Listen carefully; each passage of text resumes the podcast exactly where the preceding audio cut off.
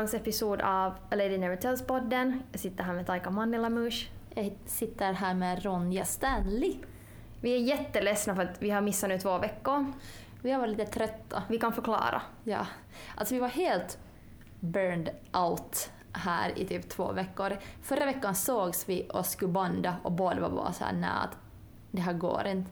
Så satt vi istället och drack kaffe och snackade med varandra istället för att podda. Alltså orden tog slut. Det, det var på riktigt så att jag hade den kvällen före, vi, jag hade haft vi hade båda haft jättemånga såna här uttömmande grejer och diskussioner och såna här eh, olika förhandlingar som hade varit jätte så här, tunga och bara gått av och an. Och sen kom vi hit och insåg att kanske, alltså vi, vi, man måste bara dö, vi måste inte podda. och det var nog ett bra beslut. För Det att, var, alltså jag hade den veckan varit på en fotografering uh, där fotografen som är min kompis sa till mig att hon hade hemskt svårt att fota mig för att min energi var så låg.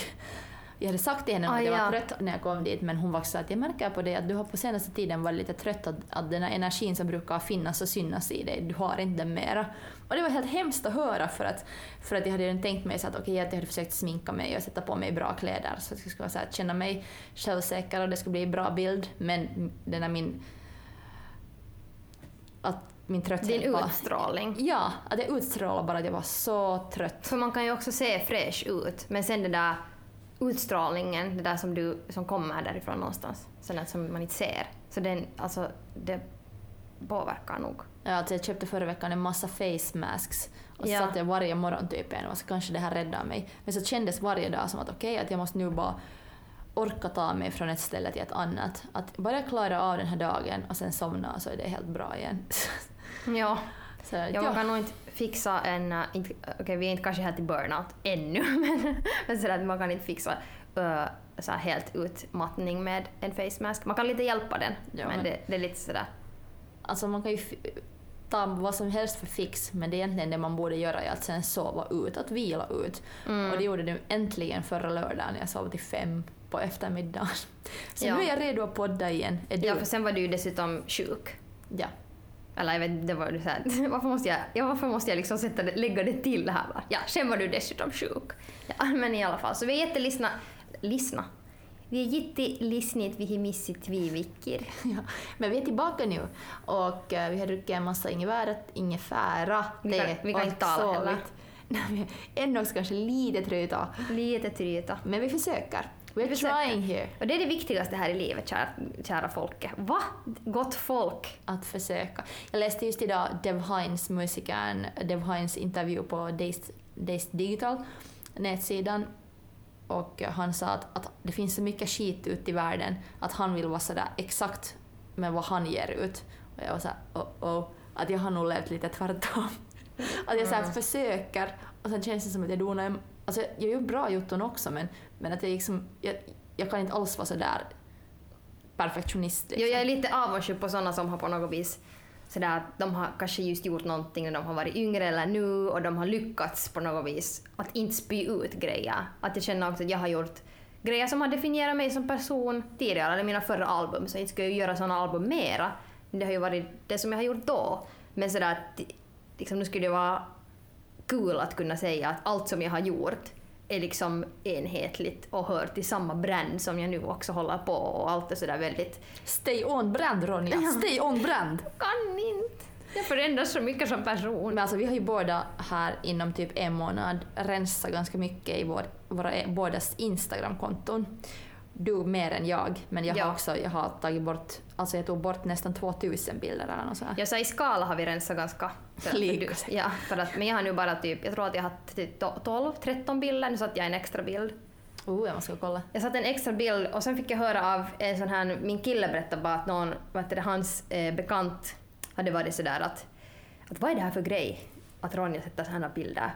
På den här bilden har jag alltså en sån här ganska dramatisk röd ögonskugga Ah, men och sen den har är jag fantastisk, jag har sett den. Eller hur? Alltså, det tycker jag i alla fall. Och sen har jag en kavaj på mig, men jag har ingenting under den här kavajen, så man ser lite boobs. Men inte ser man nu mera boobs än vad man ser med någon annan topp, var man har brösten upppushade med push-up-bh. Nej, dessutom tycker jag att sidebooben är den sexigaste booben. Den är sexig och den är, jag tycker också att den är jätte sådär uh, sofistikerad. Att Det var Yes. inte sådär det var, inte så, det var lite vulgärt men det var inte sådär mega vulgärt. Men i alla fall så den här bekanten var sådär att att vad, vad, är, vad är liksom grejen med det här? Att man ska vara halvnaken på Instagram. Men då blir man ju alltid bara påmind om att även om man har liksom, vi lever i vår värld, så har man ändå alltid bekanta som inte lever i den världen, som inte förstår det.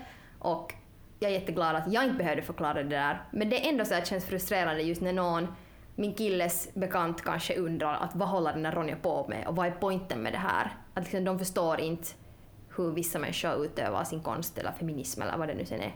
Att de tycker bara att det är liksom idiotiskt. Så då får man nog lite säga att ah, orka, jag blir gärna så lite, lite så här utmattad. Ja, men i alla fall har du väckt känslor och förundran. Så Men det är sant. din selfie har ju varit rena konstverket. Att det har väckt sådär starka känslor. Och Tack, Taika. sagt, vad händer här? Vad är det här? Ja. Varför? Yes, det, det, det var konst det. Det här, eh, Men hur är det med dig nu då? nå, lite bättre då än några veckor sen. Eller lite bättre än förra veckan och förra, förra veckan. Det känns sådär att mina ögon nästan hålls uppe nu och min hjärna försöker inte stänga ner sig. Så Det är ganska det, bra. Det är bonus. Det är ja. framsteg. Det är framsteg.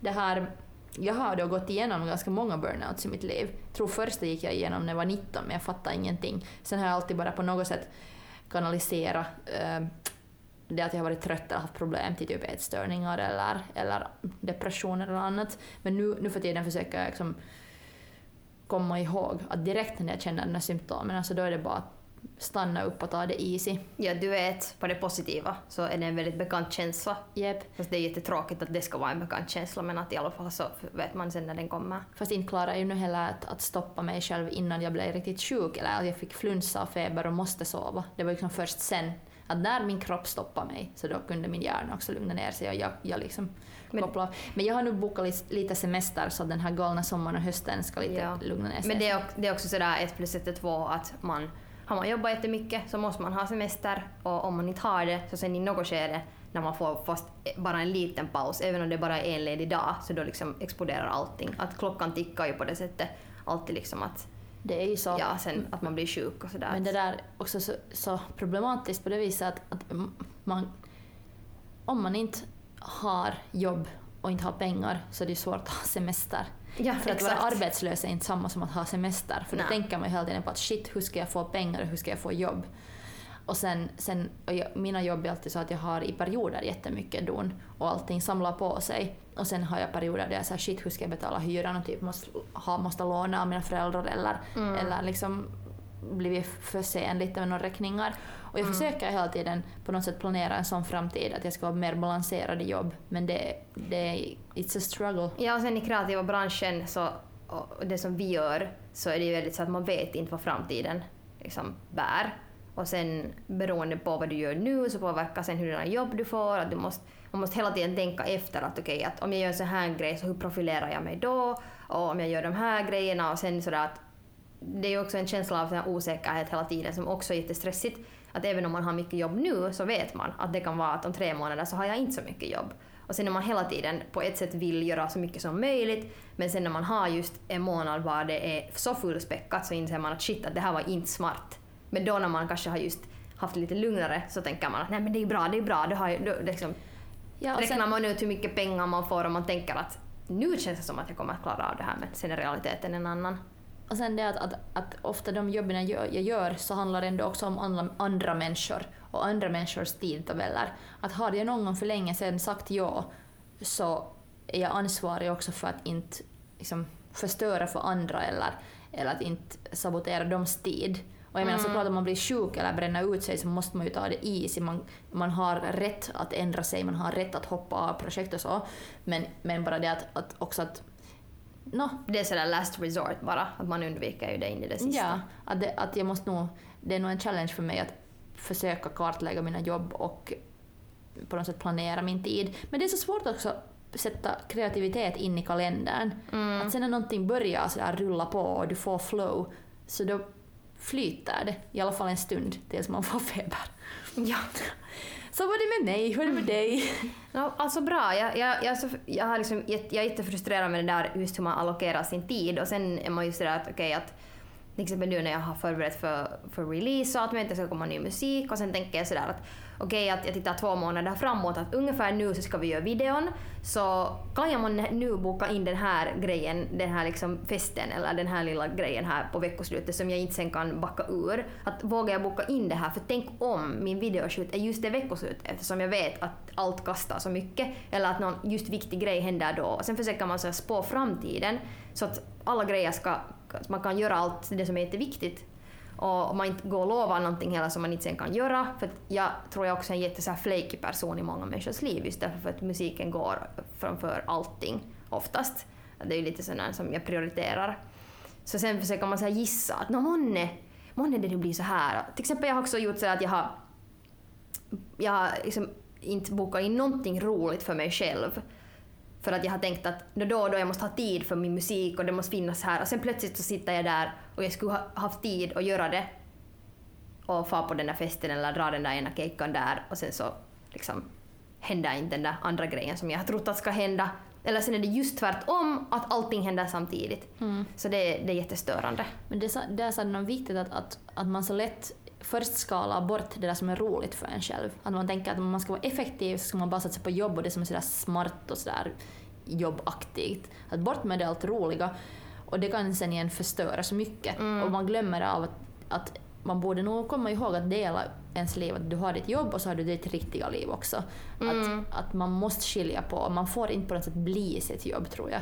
Ja, för det är inte hälsosamt. För att jag har, ja, jag har i alla fall mått psykiskt jättedåligt alla de gånger jag har blivit mitt jobb på något vis. Ja, jag, jag upplever också jättemycket att om du sätter dina privata grejer framför ditt jobb så är du oprofessionell. Att då, då kan någon säga att ah, men hon är inte hon är inte den där liksom Beyoncé-arbetsnarkomanen som kommer att make it för att jag liksom prioriterar kul framför mitt jobb. Vet du, så här brukar jag tänka. Och det är ju helt idiotiskt. För att jag kan också göra den där jobbgrejen nästa veckoslut. Men det, det, det kan jag ju välja ganska mycket.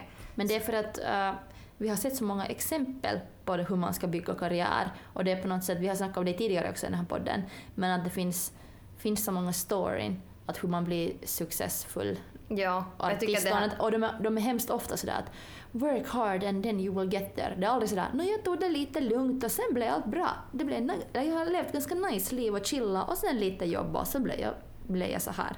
Det finns ja. inte så mycket sådana story. Nej, och det är på något vis det där Beyoncé-ideal, även om hon är en fantastisk idol, men det där äh, sättet att jobba som också Will Smith säger att han dör på springmattan före killen bredvid honom vinner honom. Att han, det, är sådär, det är liksom liv och död och det, det är inte hälsosamt.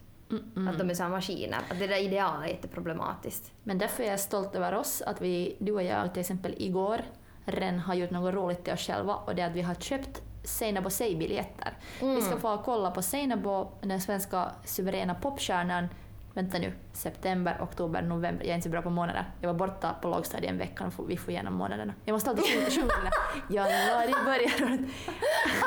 Sluta skratta, det här är sant. Det är mitt lilla... Januari börjar året. Men ja, Februari. september, oktober, november. I november ska vi till Kulturhuset. By the way, jag har problem med alfabetet ibland så det är helt fine. Det är kanske därför vi är på samma nivå. Men vi men försöker, ja. det viktigaste vi försöker. Det här, um, ja, men vi ska gå och kolla på henne och därför kom jag på att um, eller jag har på senaste tiden använt ganska mycket biljetter, äh, fitto, kan inte tala, använt mycket pe pengar på keikkabiljetter och det känns bra. Det, det, känns det, där, det, det är bra. Att i för... Tack. Det är bra. Det är bra. Det är bra. Ja. Tack för oss, det var Lady Never Tells. Det är bra. Det har vi en ny slogan. Det är bra det. Ja. Att vara på Keikkan, det är bra. Det är bra. Det kommer t-skjorta nästa vecka. Ni kan köpa dem på www.ladynevertells.com. Underbyxor. ja. ja, men att äh, eftersom många av de här keikkabiljetterna jag har köpt är just först om två månader så känns det just som att okej, okay, att jag väntar på det så mycket. Att jag har någonting som är sådär bara för mig. Eller också för dig, för vi var tillsammans. Ja, men, men sådär, att det är inte jobb, fast jag också vet att jag kommer bli inspirerad och säkert motiverad för mina egna don på grund av att jag sen ser sådana andra kreativa kvinnor göra sin grej. Men det känns att, okay, att jag har bokat en hel kväll i min kalender bara för att jag ska njuta av kultur och gå och mm. se någon annan typ lika gammal kvinna vara fantastisk. Så det känns så bra. Jag, jag, Man blir stolt. alltid så inspirerad och, och uh, energized av det. Ja. Och jag vet inte varför jag inte har gjort det på en stund. Kanske för att jag har haft så mycket jotton på sommaren och jag inte riktigt orkat tänka framåt ens. Ja, för det är också en grej som man måste boka in Jep. och genomföra. Och sen känns det så dyrt i stunden, fast det kan Det handla om sant. 30-40 euro. Men, Ja. men om, om det är din veckas matbudget typ eller någonting, så då köper du kanske inte den här keikkabiljetten. Men jag skulle vilja komma ihåg att jag igen, igen skulle börja boka in mera spelningar. Alltså, ja, jag, jag, jag måste bli bättre på det. För jag har sen igen det där att Eh, just jag har också jättemånga kompisar som går jättemycket på spelningar och så är det de bara att hej, år 2019 på, i november så är det den här spelningen, vill ni komma? Och sen de bara så att nej, inte vet jag vad jag gör 2019 i november. Och sen känns det så som att inte kan jag Okej, och det här är nu överdrivet, det kan också vara så att det är två månader framåt och jag är bara så att inte vet jag vad, vad som händer om två månader. Att, tänk om jag har någon jätteviktig musikgrej då. Och det är ju helt idiotiskt att jag tänker så. Att jag har jättesvårt att boka in fritidsgrejer om det inte är något sånt här som är så super, att det är någon bröllop eller något, något sånt där som jag på något vis tänker att, sån här once in a lifetime typ. Men jag får nog också ångest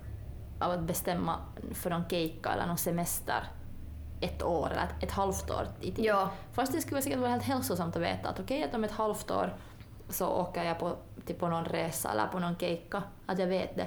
Men på något sätt får jag ångest, jag säger, vad som helst kan ju hända här emellan, inte Ja. kan jag planera. Kanske någon slags filis av att man ändå inte vill växa upp och ta ansvar av att Ja. planera sitt liv. Ja, för jag har också alltid att jag, jag, jag är ändå alltid lite orolig. Att vad om jag missar någon jätteviktig grej för att jag är på semester? Tänker du så? Ja. Ah, jag bara drömmer om att få vara på semester. Jag bara så att, ah, jag Men det är jätte... Ja, alltså, och, och klart att jag också drömmer om det, men samtidigt, jag vet inte, det, det har säkert hänt för jag har jobbat med såna typer också som har varit sådär att du måste vara beredd och inte kan du, vet du, som har hållit på så här och, och vet du, få, fått mig kanske att tänka så. Så då kan det inte vara sådär att just då när det händer någonting så är jag sådär någonstans i Kroatien på en ö på en sån här jetski och bara såhär hallå, aj, aj, aj, jag, skulle, aj, jag skulle jobba när jag var just här och vet du, chilla. Till exempel nu så är det uh, New York Fashion Week och Beyoncé är på semester. Sådär, någon hade ju Ja, nu kan vi alla andas lite. Så någon hade skrivit såhär, is it even fashion week when the Carters are on vacation? Sådär. Att inte kan man helt, man måste ibland också på något sätt bara bestämma att det du, där du är, det du gör är viktigt. Mm. Och så är det sen jetskis. Har du någonsin skidat jetskis? Nej, Inte jag vet inte. Jag tänkte på en sån här skåt, alltså inte skåtar, vad heter det, sån som man alltså inte, inte skidor utan, uh, även om det skulle vara jävligt stiligt. Um, just då när jag får en sån här t- telefonsamtal, jag vet inte hur jag kan tala i telefon medan jag är på så här skidor men... Kan vi ställa sån här- hallå, aj det är tyska Universal, okej jag kommer. Nej. kan, kan vi ställa göra en sån musavideo till dig? Det skulle vara Ja, cool. det ska jag säga just 80-tals-vibe.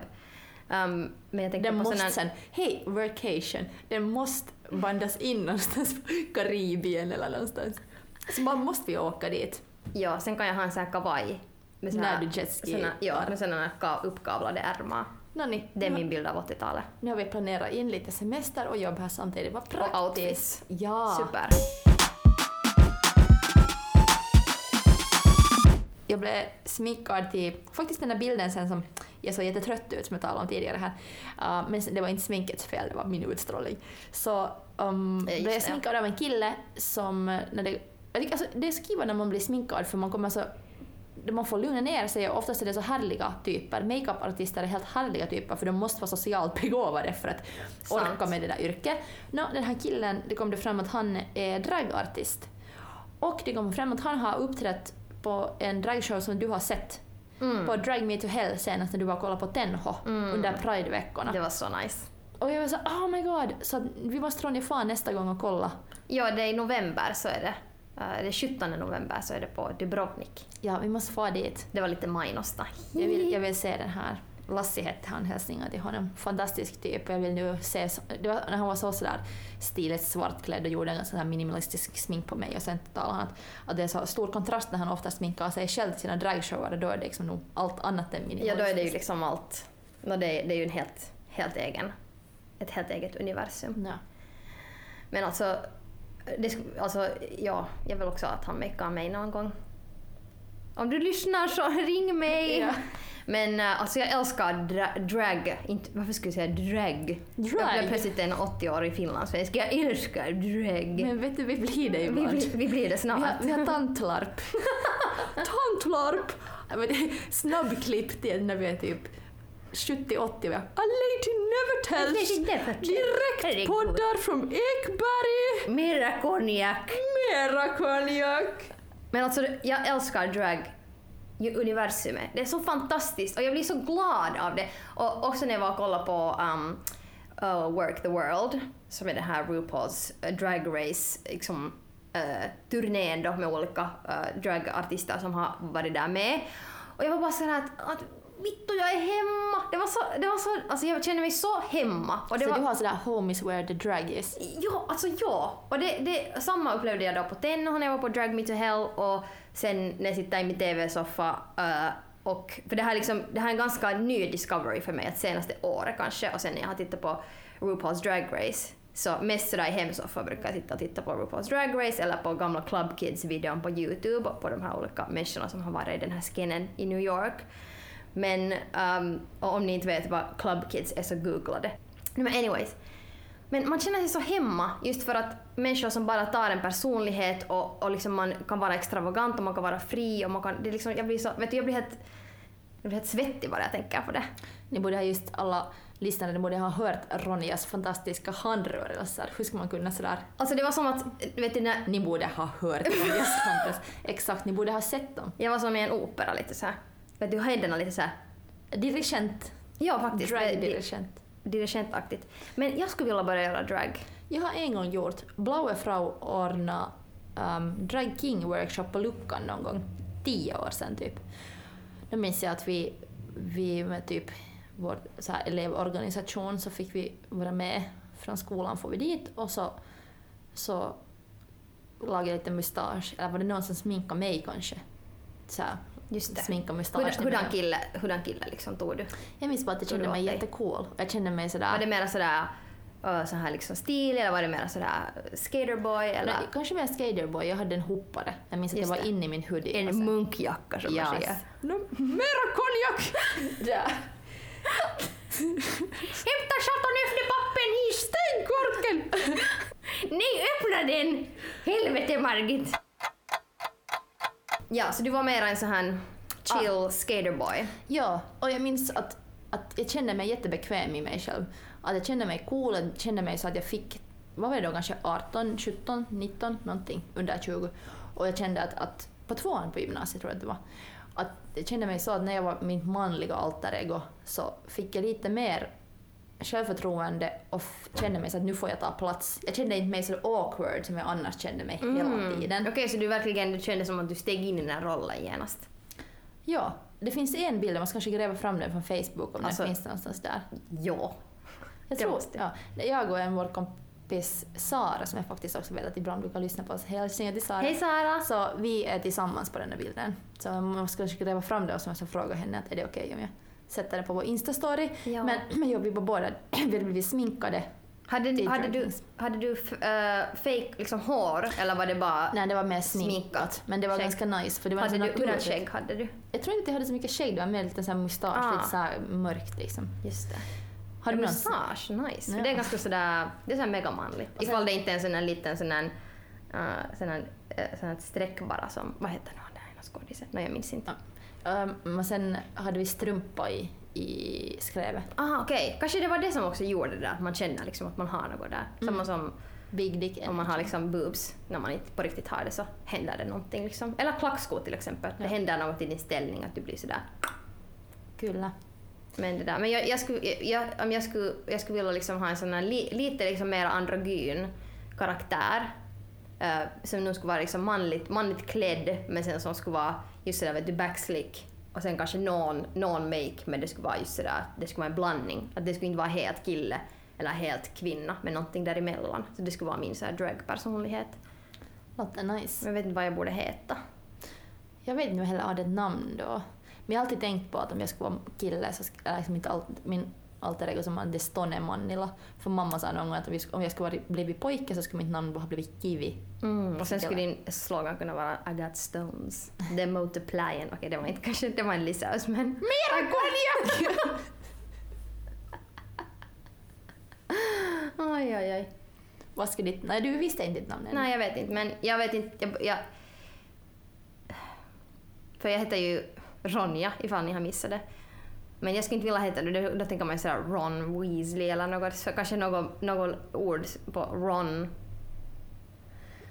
Vad hette han i Weasley. Nej, det var inte så bra. Kauniita rohkeat? Hette han inte typ Ron Mosley? Ron Moss!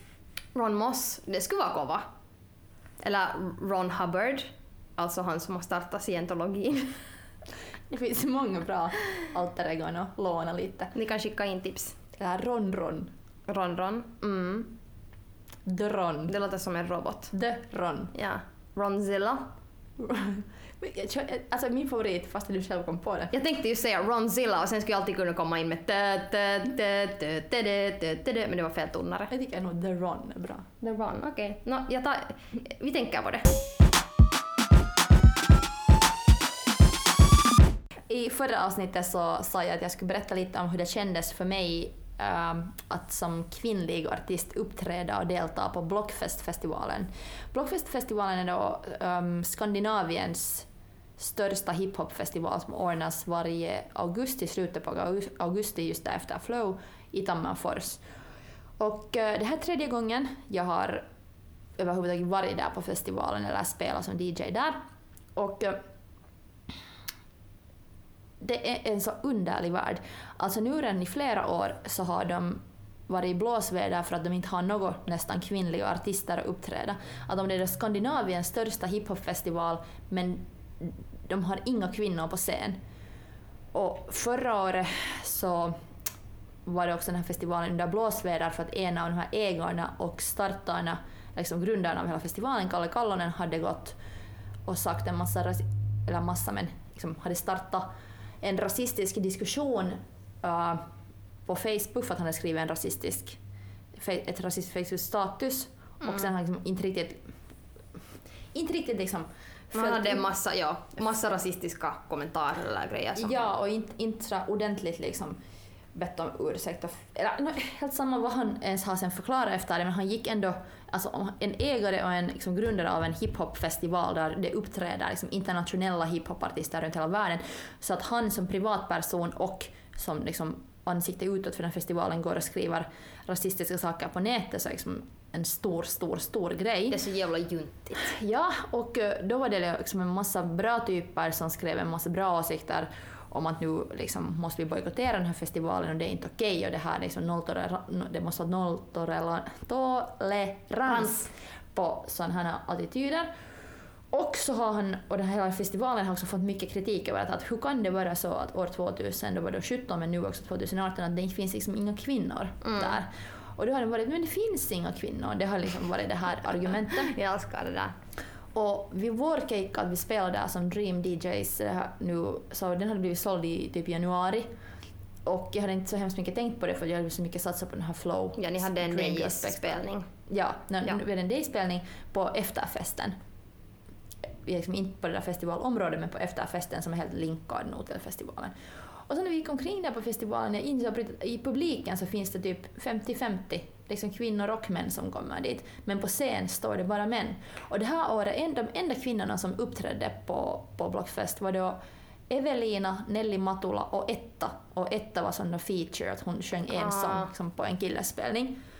Och, Och de är Evelina- alla finska dessutom. Ja, och mer också lite så R&B att liksom ingen egentligen så här rappare eller någonting. Ingenting med det. Men då att säga att det finns inga kvinnor de ska kunna boka är ju bara liksom bullshit. Ja, och om det där är liksom er Ja, om det där är er att ni ändå kan boka våra finska artister som sjunger lite R&B-aktig pop, Ja. så, så dudes, try a bit fucking harder. Alltså det ska ha funnits så många Alltså man vad kunna som helst, boka. från Sverige och från, från Norden eller varifrån, Ja. från, alltså herregud så mycket. Och jag tänkte att Tinashe ska passa så bra. Perfekt. Och- Och Kelela kanske.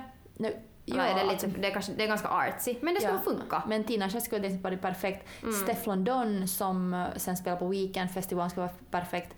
Liksom passa, det finns så Alltså många. oändligt. Ja, men det betyder att de som fixar den festivalen gör inte sitt jobb ordentligt. Att de har bestämt sig för tydligen att de vill bara ha män. Och sen, det som jag tycker är liksom en stor grej där, att, att no, det här är antagligen sista gången jag någonsin själv går med på att spela där om de inte gör stora förändringar i sin attityd och, Mm. och sin profil. För att det kändes också för jävligt att vara sen vi var en av de absolut också enda kvinnliga DJ'na som var där ens på efterfester. På den efterfesten som vi spelade så var vi de enda kvinnliga och sen hörde jag att en annan tjej spelade på ett annat ställe men att sådär, vi var på en backare och på en scen där nästan alla var män och alla som på något sätt uppträdde eller... eller ja, på scenen också, ja. inte publiken då. Nej, nej, nej, utan alltså backstage, alltså vissa promotorer var kvinnor, men backstage var typ alla som hängde där var män, artisterna var män, DJerna var män och sen kändes det som också att vi var en sån här liten trophy.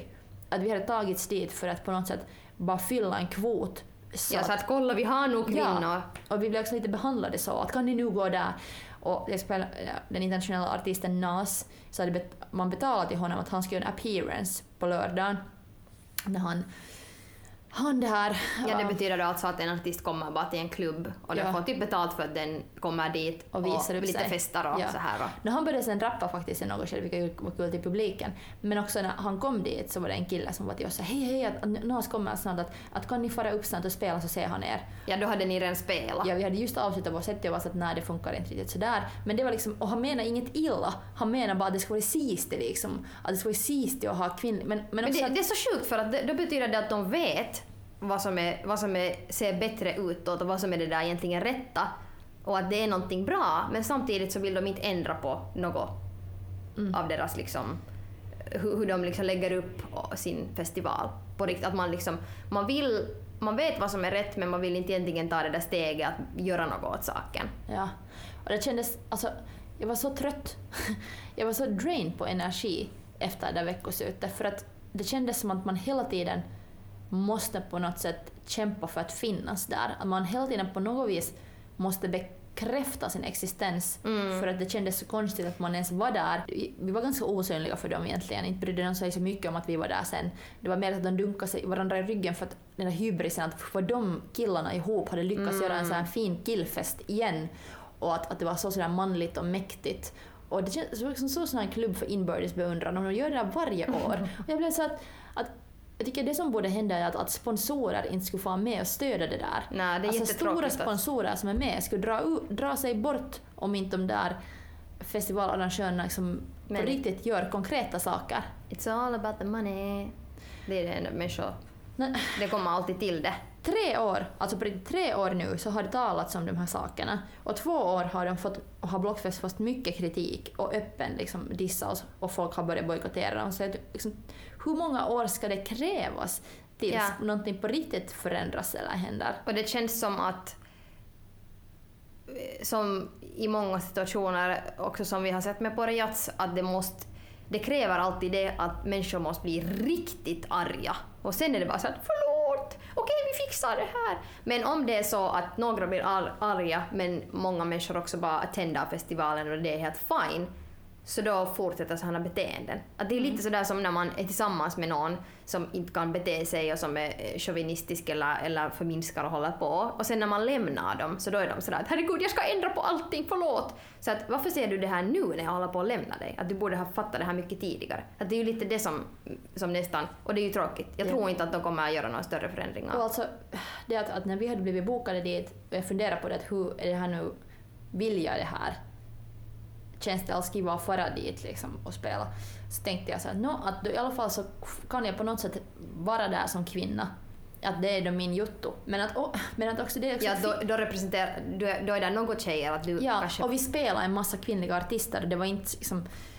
Jag tänkte att okej, okay, då i alla fall så spelar vi kvinnliga röster som hörs i de där rummen som på något sätt organiseras av alla de här männen. Att då på något sätt kan jag föra in dit också lite kvinnlig point of view och kvinn, kvinnligt sound. Men, men, men jag vill inte heller jobba så. Det är liksom inte, jag vill inte fara omkring och vara kvinna. Nej, alltså att bara att existera så är en politisk statement. Ibland ja. vill man ju bara göra sitt jobb och ha det roligt och inte måste alltid göra någon fucking liksom att man är, man är någon kvot i någon jävla statistik. Men det börjar jag fundera på att det skulle säkert vara ganska en grej som skulle kunna påverka skulle vara det att alla liksom alla då tjejer skulle, alla skulle bojkotta mm. uh, festivalen och då skulle, de, då skulle det vara 100% killar och då är det lättare att säga att här är bara 100% att nu, nu har liksom inga tjejer, vad tänker ni göra för att ja. vi tjejer ska ens komma dit? Alltså, det var för jättemånga av mina kompisar som bojkotterade den här festivalen. Ja. Just såhär ruskeat tytöt gänget och sådär. Så jag tänkte hemskt mycket också på det, att borde man själv ha bara så. Och det är nu antagligen, det är nu liksom, det är den, alltså bojkott är det som Det är nog det som gäller. Jo, jo, och sen så skit som jag mådde under den här festivalen och efter det för att det var bara så en obehaglig upplevelse på alla möjliga sätt för det kändes sådär att, att det där är inte en verklighet jag tror på, det där är inte en verklighet jag, jag på något sätt Ja. tycker att det är okej. Man vill inte simma bland de Nej, sådär hajarna på ett sätt. Jep. Nu vill jag berätta om någonting som har gjorts i Sverige, just ungefär lite efter Blockfest faktiskt det här året. Statementfestivalen har ordnats första gången ever i Göteborg 31 augusti till 1 september. Och den här Statementfestivalen har då varit en, eller no, som ordnades första gången ever, så en eh, ett svar till så många sådana festivaler som har så mycket mer män än kvinnor att uppträda och sen också en statement för att, att, att det har blivit så vanligt, särskilt i Sverige, att på festivaler så blir kvinnor sexuellt trakasserade. Att det händer hemskt mycket så här sexualbrott och trakasserier under festivaler. Mm. Så då har de startat en sån här statementfestival och det är då att alla andra, men inte cis-män, får uppträda. Så det är då kvinnor och uh, det här står att We simply want that women, non-binaries and transgender to be able to visit an awesome festival and feel safe at the same time. Och eh, den här festivalen ordnades då och den var jättelyckad. Och all, jag har sett massa artister som uppträdde där som var så här, wow, så empowering att få uppträda också på en sån här festival. Cleo Miss Souli till exempel, en svensk artist, hade satt på sin Instagram och sa att hon vill aldrig uppträda någon annanstans igen för det har varit så, det var så Mm. härlig stämning. Och inga, inga anmälningar för sexuella trakasserier hade gjorts under det här veckoslutet. Polisen hade sagt nej, att vi kan inte faktiskt hitta någonting. Och det, när jag läste om den här Och festivalen... inga brott alls. Nej, och den här festivalen som jag tänkte, tänkte uh, eller som jag läste om den här festivalen så tänkte jag på Blockfest. Och jag tänkte också på att, att hela stämningen också runt festivalen var ganska aggressiv. Att exempel när jag som DJ for efter min spelning och sova till hotellet så minns jag att jag kände mig rädd för att det fanns sådana killgrupper runt om i stan och de hade redan på dagen varit aggressiva och skrikit en massa grejer. Det var så att ett par år yng- yngre killar hade kollat mig rakt i ansiktet ett par gånger jag gick på stan och skrikit något olämpligt om min klädsel eller någonting. Det är liksom, den attityden var inte bara heller på festivalen, det liksom också där runt Det är stan. machokultur på steroider. Ja, och det är liksom absurditeten att jag då när jag far hem från en spelning typ sprang Fast det kändes löjligt, men jag, jag kände mig rädd för att den där energin var så aggressiv och laddad i hela, hela stan. Och det är det som många som inte förstår som kanske säger sådär att "Nå, varför ska man nu ha någon flickfestival, varför ska man nu ha någon så här jävla, varför får inte killar komma dit, att det är ju så här, vet du, männens vin, att det är så här, vet du, feminazi-meininki. Men nå, man måste förstå att för det första hur det är att vara som kvinna på festivaler och vara gång på gång, eh, det är 50-50 publik, men vi ser inte oss själva på scenen lika mycket. Och sen också bara den där säkerheten, att det är någonting som varje kille måste se sig själv i spegeln eller sitta ner på en liten soffa, ta en kopp te och sitta och fundera. Hur känns det att vara en kvinna, non-binary eller transperson på sådana här festivaler och i livet i allmänhet? Det är inte bara någonting som, är, som, som inte är på riktigt utan det är verklighet. Och liksom det att få vara på en festival där cismen då inte finns, så att förstå hur, hur befriande det är.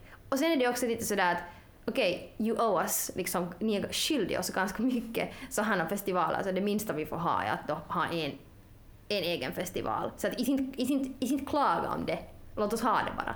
Om, om den här statementfestivalen or- organiseras nästa år så måste vi åka dit. Fitto jag tänker spela där. Ja, Jag, det tänker vara min, min liksom största så mål, att jag ska spela där. Fast jag spelar på en liten sån här, sån här eh, trälava någonstans vid dörren så tänker jag spela det där. är good to have goals, jag vill också dit. Ja. Det känns som sådär drömfest. Och även om vi inte skulle spela där så får vi dit och festa eller vad? Yes. Det ska vi göra. Ja. Men hej, jag har ännu ett par tips här uh, gällande att gå på vässan. För Att att... komma. är det, har vi do's den här veckan istället för don'ts? eh, Eller ja. är det här bara tips? No, det, här, det, här är nu, det, här är det här är mitt uh, skittips. Ja. No pun intended. Eh, när man går på toaletten så man vill ju inte att människor ska höra, vi har ju talat om det här tidigare, att man vill få bajsa i fred. Men då har jag några låtval åt er som ni kan sätta på, som alltid gör människor glada. Och sen är det inte sådär awkward, för att sen kanske om man sådär, sådär att Aj, jag ska gå på vässan, men hej, vill du kolla lite här på Charlotte Elämät Medan jag vet du, såhär casually, utan då måste man göra det till en grej. Så det som jag brukar göra till dig också, till min kille. Jag brukar sätta på Lionel Richies uh, All Night Long. Uh, eller Totos Africa. Jag väntar nu på att du ska göra en hel spellista. Ja, för det, det föreslog du just här före vi började podda att du måste göra en lista. Så jag tänkte att, att jag skulle kunna göra en kakilista. Ja. Det är som Pascal-lista, bara bokstavligt. Yep. Och sen, det är allt. Och det blir en bra filis, alla är glada. Skriva det i ingressen sådär för att så här, perfekt för förfester för att göra ditt hem extra gästvänligt eller något sånt. Ja. Och, och det, är liksom, det märker jag att alltid när jag går och skiter, som annars kunde vara en grej var jag måste frysa ut mitt sällskap och kanske de, de blir så här awkward för de är bara ah, hon får hon skit, ah, hon är där jättelänge nu. Eller så Eller måste bara sjunga typ från vässan och sätta kranen Ja, på det är så awkward sådär att dude. Varför kom jag på bara... det här då när jag hade just börjat dejta min kille? Jag, jag hade så små, svårt att få på vässan för han bodde en så liten etta så jag satte alltid kranen på. Jag borde ha bara satt Totas Afrika på liksom. Ja, precis. Men kära lyssnare, det finns också ett minus med det här och det betyder det, och det är det att de här låtarna kommer för evigt att vara dina kakilåtar. Men det är helt fine, för att det är ändå, de har ett jättevärdefullt jättevärdefull uh, så här purpose och mening. Man måste ge för att få. Jag har ett tips och det är att eh, ni ska alla kolla på SVT Edit nätsidan så finns det nu en sån här eh, Kan Little Jinder välja glädje? 29 minuters dockare där popartisten Little Jinder försöker hitta glädje i sitt liv för att hon är då ganska deprimerad och misantropisk och sådär att "Oh, everything sucks har festat för hårt och försöker nu ta det lite lugnt så försöker hon till exempel genom skrattyoga och straight edge Ah, ja. och tältande i naturen så försöker hon genom olika så här zen-tips, self-help-grejer, så försöker hon hitta glädje. Det ska jag kolla på. Ja. Och det ska ni också. Kul. Jag tittade just på mikrofonen när jag sa det för att det är så konstigt. Vi talar till er men vi ser inte er. Så det är lite weird. Det där måste vi klippa bort. Jag funderar också att... Varför vi, Nej, men för, vi måste kanske eh, minimalisera, jag sa också där tidigare, så ni borde ha sett Ronjas händer nu för då tar man ju alltid så bort det där att de tjuvlyssnar på oss, då tar man alltid ut det från Ah, ja, men jag tycker det är jätteroligt i podcast som jag lyssnar på när man förklarar det som händer. Okej, nu kanske det det är är sådär bra. roligt. Ja. Okej, Det finns kanske alltså- vi inte klipper bort något av det här. Nej, nej. Men alltså, det är ju som i teater, att det finns olika skolor, att hur man sådär plötsligt kan ta med publiken, då bryter man ju också den här som Ja. illusionen om att det händer någon annanstans. Då tar man plötsligt, eller, eller i TV-serier, plötsligt någon Carrie talar till kameran. Så. Ja. Men jag tycker det är roligt alltid när det händer, för då blir man sådär att ah, att du ser mig. Att vi är inte, de är inte heller osynliga. Smaken som baken. Saken som baken, den har skit i sig. Um, Okej, har vi några don'ts?